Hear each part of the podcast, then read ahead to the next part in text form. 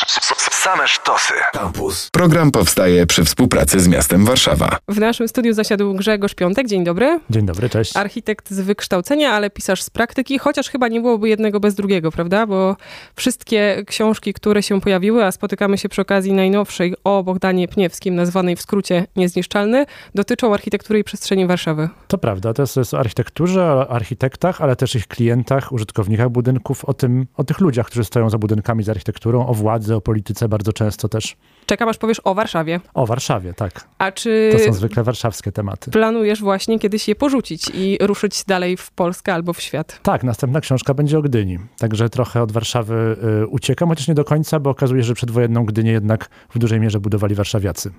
A czy to samo pytanie mogę przenieść na bohatera najnowszej książki, czyli na Pniewskiego?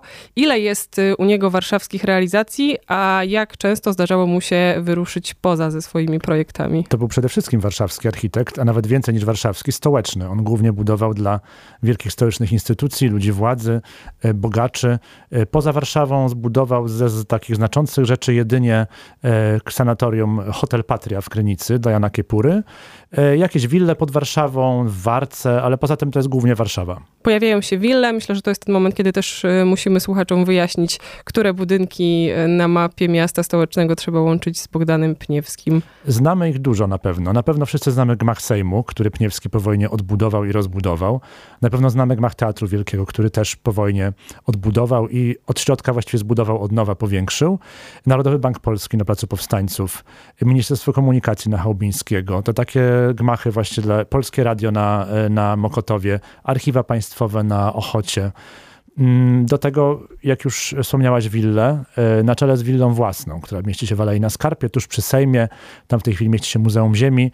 E, Fantastyczna willa z pracownią, e, bardzo tajemniczy budynek, który warto od środka też zobaczyć. No i willę poza tym dla wielu warszawskich em, em, bogaczy, przemysłowców, deweloperów przedwojennych, jakbyśmy dzisiaj powiedzieli, em, oraz kamienice. I ani Także- razu się nie złamał, żeby być bliżej tego zwykłego człowieka. Nie, raczej nie. Na początku kariery zbudował takie skromne szeregowce na Mokotowie na Żoliborzu, ale też nie dla najbiedniejszych ludzi, dla urzędników. To były takie małe spółdzielnie urzędnicze. Wydaje się, że jego takie problemy zwykłych ludzi nie interesowały. On chciał właśnie działać w wielkiej skali, z rozmachem, dla VIP-ów, dla władzy. Interesowała go taka właśnie imperialna, wręcz stołeczna skala i w tym się wyżywał. Wyżywał się w em, e, drogich materiałach, w e, luksusowych wnętrzach. Często te budynki zresztą są bardziej przyjazne, bardziej ciekawe od wnętrza właśnie, bo one służyły głównie tym, którzy z nich korzystali, e, czyli, czyli ludziom władzy, urzędnikom, dygnitarzom, a z zewnątrz bywają dość nieprzystępne i zimne, jak właśnie choćby ten NBP na Placu Powstańców, czy Teatr Wielki, który jest po prostu wielkim gmaszyskiem, który raczej omijamy na co dzień, ale jak już wejdziemy do środka, to się cała ta gala, cały ten splendor przed naszymi oczami rozwija.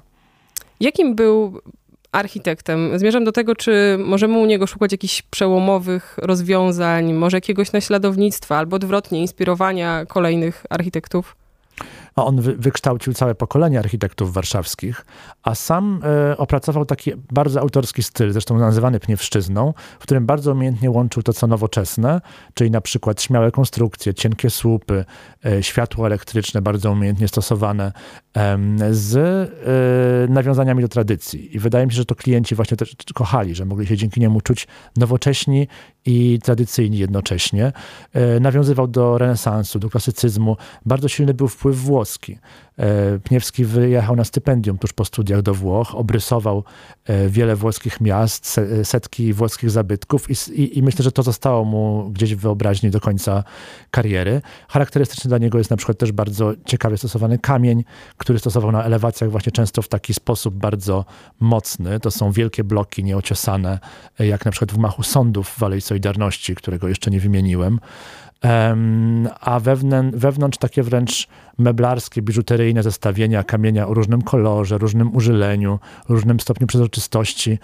E, Znów ten podział taki na luksusowe, komfortowe wnętrze i surowe zewnętrze tutaj wychodził. Architekt salonu i władzy, aż ym, ciągnie taka pokusa człowieka, żeby pomyśleć, dla kogo dzisiaj by projektował, skoro tak bardzo trzymał się y, tych elit i ludzi będących u władzy, ale może nie będziemy y, zgadywać. Ale myślę, żeby Mhm. sobie poradził, no bo tą wielką zagadką jego życiorysu jest to, że i przed wojną był architektem władzy i po wojnie. Dwa zupełnie, dwie zupełnie różne rzeczywistości polityczne, a okazało się, że oba te e, obozy władzy, oba te reżimy e, skutecznie oczarował. Wszędzie znalazł znajomych, przyjaciół albo ludzi, którzy go podziwiali i którzy chcieliby dla nich budował. I myślę, że każda władza i, i, i ta dzisiejsza, i ta, która nastąpi później, chciałaby z kimś takim jak Pniewski współpracować. A myślisz właśnie, że to wynika z jego osobowości i tego, że potrafił zjednywać ludzi, czy to, że jednak ludzie władzy mniej więcej dążą do posiadania określonego typu budynków. Na pewno jest coś takiego, to znaczy, że, że, że, że władza bardzo często lubi ten wielki gest, te monumentalne rozwiązania, e, te komfortowe wnętrza. Dzisiaj może to jest trochę bardziej niepoprawne politycznie, nie wypada trochę władzy się tak afiszować. W sumie nie powstają takie wielkie gmachy. E, raczej się dla ministerstw wynajmuje kolejny anonimowy biurowiec, jeśli trzeba instytucję powiększyć. I bardziej cenimy polityków, którzy poruszają się komunikacją miejską niż tak, no, zajeżdżają no, na pewno, na pewno, na pewno. I taki, taki, taki majestat jest, no, nie przystoi po prostu. Natomiast Pniewski na pewno, e, obojętnie od tego, czy ten styl się zestarzał, czy, czy, czy nadal jest aktualny, umiał swoim klientom dać takie poczucie, że on się sprawdzi, że on, że on to dobrze zrobi, że on to zrobi najlepiej. Wzbudzał naprawdę szacunek swoim warsztatem, swoim talentem i, i, i to też chyba jest sekret tej kariery, że, że, że ci klienci odpowiedzialni za wielkie pieniądze, za wielkie realizacje czuli, że Pniewski nie tylko ładnie narysuje, ale też dopilnuje i świetnie zbuduje. A to określenie pniewszczyzna jest właśnie wyrazem szacunku i uznania, czy jest tam też trochę przekory albo ironii w stosunku do jego projektu? Ono na pewno wyjściowo było ironiczne. Zresztą ciekawe jest to, że nikt nie wie skąd się wzięło. Ono gdzieś w warszawskim środowisku architektonicznym od dziesięcioleci e, krąży, ale czuć w nim taką lekką, e, e, e, lekki sarkazm, tak jak w pojęciu bohaterszczyzna czy amatorszczyzna, ale dzisiaj już jest zupełnie e, chyba neutralne i, i obojętne. Z Grzegorzem Piątkiem rozmawiamy o Bogdanie Pniewskim, który jest bohaterem najnowszej książki nazwanej Niezniszczalny. Bogdan Pniewski, architekt salonu i władzy. Długi tytuł, długi życiorys chyba też możemy tak y, powiedzieć. A jeszcze tylko zrobię małą dygresję, że y, nazwisko naszego dzisiejszego gościa, czyli Grzegorza Piątka, pojawiało się już w audycji Stacja Warszawa, kiedy mówiliśmy o Nagrodzie Literackiej Warszawy, którą udało ci się zdobyć, ale za poprzednią książkę, czyli Najlepsze Poprzednią. Miasto Świata. I mam wrażenie, że w ogóle wszyscy twoi bohaterowie, bo jeszcze do tego Stefan Starzyński, spotykają się, nie wiem czy w każdej książce, ale w mieście i tak, to wysz, wyszła, na pewno. wyszła z tego taka mimowolna trylogia. Senator o Stefanie Starzyńskim, Najlepsze Miasto Świata odbudowie Warszawy i właśnie Pniewski, który na kartach obu tych poprzednich książek przemknął. Najpierw właśnie jako architekt przedwojennej władzy, potem właśnie jako ten, który uczestniczył w odbudowie po wojnie. I e, no, taka matrioszka. Jedna książka wykluwa się z drugiej, ale mam nadzieję, że się nie powtarzam. No przerywasz cykl warszawski, kierując się do Gdyni. Do Gdyni, ale gdzie Pniewski też rękę przyłożył, bo stworzył e, projekt niezrealizowany ostatecznie przed wojną Wielkiej Bazyliki Morskiej na Kamiennej Górze, nad, na urwisku nad brzegiem morza, e, który e, bardzo wiele szumu przed wojną narobił. Podobnie zresztą jak projekt Świątyni Opatrzności, o którym dzisiaj nie wspominaliśmy. A no właśnie, ale który... nie tej, którą znamy dzisiaj z Wilanowa, tylko tej, która nie powstała. Niestety, niestety nie ta powstała w Wilanowie, tylko w latach 30. Pniewski wygrał aż dwa konkursy na Świątyni Opatrzności na Polu Mokotowskim. Ona do wybuchu wojny nie powstała. Fantastyczna e, wizja, e, połączenie manhattańskiego wieżowca ze średniowieczną katedrą. No i, i, i, taki projekt, który dał Pniewskiemu wstęp na właśnie na najwyższy e, na najwyższe wyżyny władzy. To ugruntowało tego, jego pozycję, zresztą w bardzo młodym wieku, tuż po 30, jako takiego architekta władzy, architekta elit. To będzie takie może za bardzo odjechane pytanie, ale mm, myślisz, że coś albo co spodobałoby się Pniewskiemu, gdyby dzisiaj przechadzał się po Warszawie? Oj, świetne pytanie. Um, myślę, że z rzeczy powojennych Plac Konstytucji, no bo to właśnie taki wielki gest, kamień, wielka pustka, jaką on bardzo lubił. E, a ze współczesnych realizacji właśnie myślę, że, że, że, że, trudno byłoby mu dogodzić, bo ten sposób budowania, który on uprawiał, jest bardzo różny od naszego. Takie bardzo artystowskie, rzemieślnicze podejście.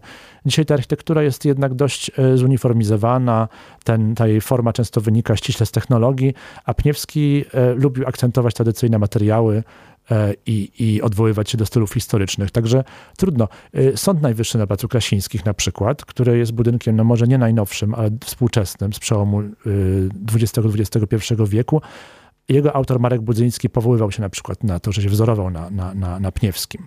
e, że tam ten duch Pniewszczyzny jest. Także gdzieś ten duch Pniewskiego się czasami ożywia w przestrzeni Warszawy, ale, ale współczesna architektura to jest jednak coś zupełnie innego. Myślałam też o wysokościowcach, bo z jednej strony takie faktycznie spektakularne, ale z drugiej strony biurowce, więc może rzeczywiście to nie są ludzie, dla których lubił projektować. No z drugiej strony Pniewski zaprojektował pierwszy powojenny wieżowiec warszawski, czyli właśnie Ministerstwo Komunikacji na Chałubińskiego, które dzisiaj już jest troszeczkę malutkie w porównaniu z tym, co wyrosło dookoła, ale jak widać też taka, taka architektura mu wychodziła jakim był człowiekiem, bo um, mówiąc ciągle o jego realizacjach, można odnieść no wrażenie, właśnie. że być może jakiś takim zimnym jak te marmury, które lubił, ale może da się coś powiedzieć o Pniewskim prywatnie. Był oczywiście bardzo skomplikowanym człowiekiem i ta książka jest e, biografią, a nie tylko monografią architekta i starałem się tę jego zagadkę rozwikłać. E, zupełnie inny dla bliskich, dla rodziny, dla przyjaciół. Wszyscy wspominają go jako ciepłego, serdecznego, e, hojnego, a inny dla uczniów, pracowników. Tu taka figura ojcowska bardzo wchodzi, opiekuńczy, mentor, ale ludzie, którym podpadł, na, zwłaszcza na, na, na tej niwie zawodowej, wspominali go jako bezwzględnego, bezczelnego, idącego często po trupach do celu, uwielbiającego różne złośliwości, impertynencje prawić, konfliktowego. Świetny przykład jego rozmowy z Janem Kiepurą, prawda? Kiedy no negocjowali właśnie. Cenę. I świetnego biznesmena. To jest niesamowite, że nie tylko artysta, wielki talent, ale okazuje się, że to też może z żyłką przedsiębiorcy bardzo dobrze iść w parze. Pniewski właśnie jako młody architekt, 30-letni, 32 e, może, na początku kariery spotyka Jana Kiepurę, wielkiego śpiewaka, celebrytę i milionera, który chce od niego zamówić projekt e, hotelów w Krynicy.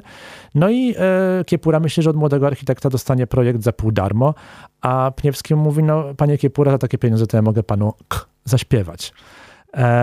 Także dbał też o swoje interesy. Myślę, że to w książce zastanawiam się, dlaczego tak było. Myślę, że to rodzinna sprawa, kwestia domu, z którego pochodził, ale umiał być jednocześnie tym e, artystą, i jednocześnie biznesmenem. Miał też jakieś powiedzenie, które odnosiło się do pewnej granicy wieku, po której już teraz nie pamiętam, czy nie można czegoś osiągnąć, czy że słynnym architektem można zostać do 30, no do 40? To, to jest akurat, to akurat ja, ja piszę we wstępie, powtarzam taką opinię, że do 40 można uchodzić za młodego architekta a Ipniewskiemu udało się właśnie jeszcze przed tą czterdziestką właściwie osiągnąć tyle, ile wielu architektów pod koniec kariery dopiero e, osiągnęli, czyli już tak znaczące zwycięstwa, tak znaczące gmachy, taka skala w ogóle. Natomiast on twierdził, że do trzydziestki mniej więcej architekt się jeszcze e, kreatywnie rozwija, że te najważniejsze pomysły przychodzą do głowy przed trzydziestką, i dopiero i, i, potem z tego całe życie się, się czerpie. Może tak było, może tak było, bo rzeczywiście, kiedy architekt osiągnie pewną pozycję, pewną wielkość też pracowni, to bardzo dużo jego czasu, i Pniewski był tego przykładem, e, schodzi nie na tworzeniu, nie na wymyślaniu tych budynków, tylko raczej na prowadzeniu firmy, podtrzymywaniu użytecznych kontaktów, e, wypowiadaniu się w mediach. Pniewski też był w tym bardzo dobry, bardzo, bardzo um, umiejętnie kreował swój wizerunek. E, I, i to, to, to właśnie tym się zajmował już pod koniec kariery. A kto po Pniewskim? Kto z pracowni albo w cudzysłowie stajni Pniewskiego wyszedł? On wypuścił sporo e, architektów spod swoich skrzydeł e, wcześniej, którzy zrobili warte, ważne rzeczy, na przykład Karpiński, twórca ściany wschodniej, czyli całego tego założenia przy Marszałkowskiej w Warszawie. To był jego E, pracownik jeszcze przedwojenny, Zygmunt Stępiński, współautor trasy WZ MDM-u. E, potem e, taką najważniejszą osobą pod koniec życia była Małgorzata Handzelewicz-Wacławek. To też e, niesamowita historia. E, pierwsza kobieta, która w ogóle u boku Pniewskiego zrobiła jakąś karierę, bo przedtem głównie facetów zatrudniał i kobiety u niego nie awansowały tak bardzo. Natomiast pod koniec kariery Małgorzata Handzelewicz-Wacławek, e, z którą zbudował Dom Chłopa przy Placu Powstańców, obecny Hotel Gromada, stała się jego prawą ręką, podporą. Myślę, że trochę taką zastępczynią córki, z którą miał bardzo złe stosunki. One były dokładnie w tym samym wieku, może rok różnicy, i jego córka Barbara Pniewska była tym niepokornym duchem, który się wyrwał, a w Małgorzacie Handzelewicz-Wacławek miał taką dobrą, dobrą córkę, można powiedzieć, przybraną. Przydałaby Prawie się mapa rodziny. takich obiektów y, stworzonych przez Pniewskiego, którą można byłoby, już nie mówię, że w formie papierowej wziąć do ręki, ale może cyfrowej i spróbować przemierzyć co, Warszawę. mam, mam zrobić warstwę na Google Mapach dla państwa? Zbieramy publiczną. podpisy. Po 100 tysiącach można przysiąść do działania. Na szczęście większość tych budynków jest naprawdę w centrum albo blisko centrum. Mo- Mokotów, Ochota, Saska Kępa, e, więc e, łatwo dość sobie te obiekty e, na, na mapkę też nanieść. Ale może kiedyś to zrobię, nie obiecuję. Nie wymuszamy, absolutnie. Grzegorz Piątek y, gościł u nas, niezniszczalny. Bogdan Pniewski, architekt salonu i władzy, tak nazywa się książka, o której rozmawialiśmy. Dziękuję. Dziękuję bardzo. Program powstaje przy współpracy z miastem Warszawa. Tu Radio Campus.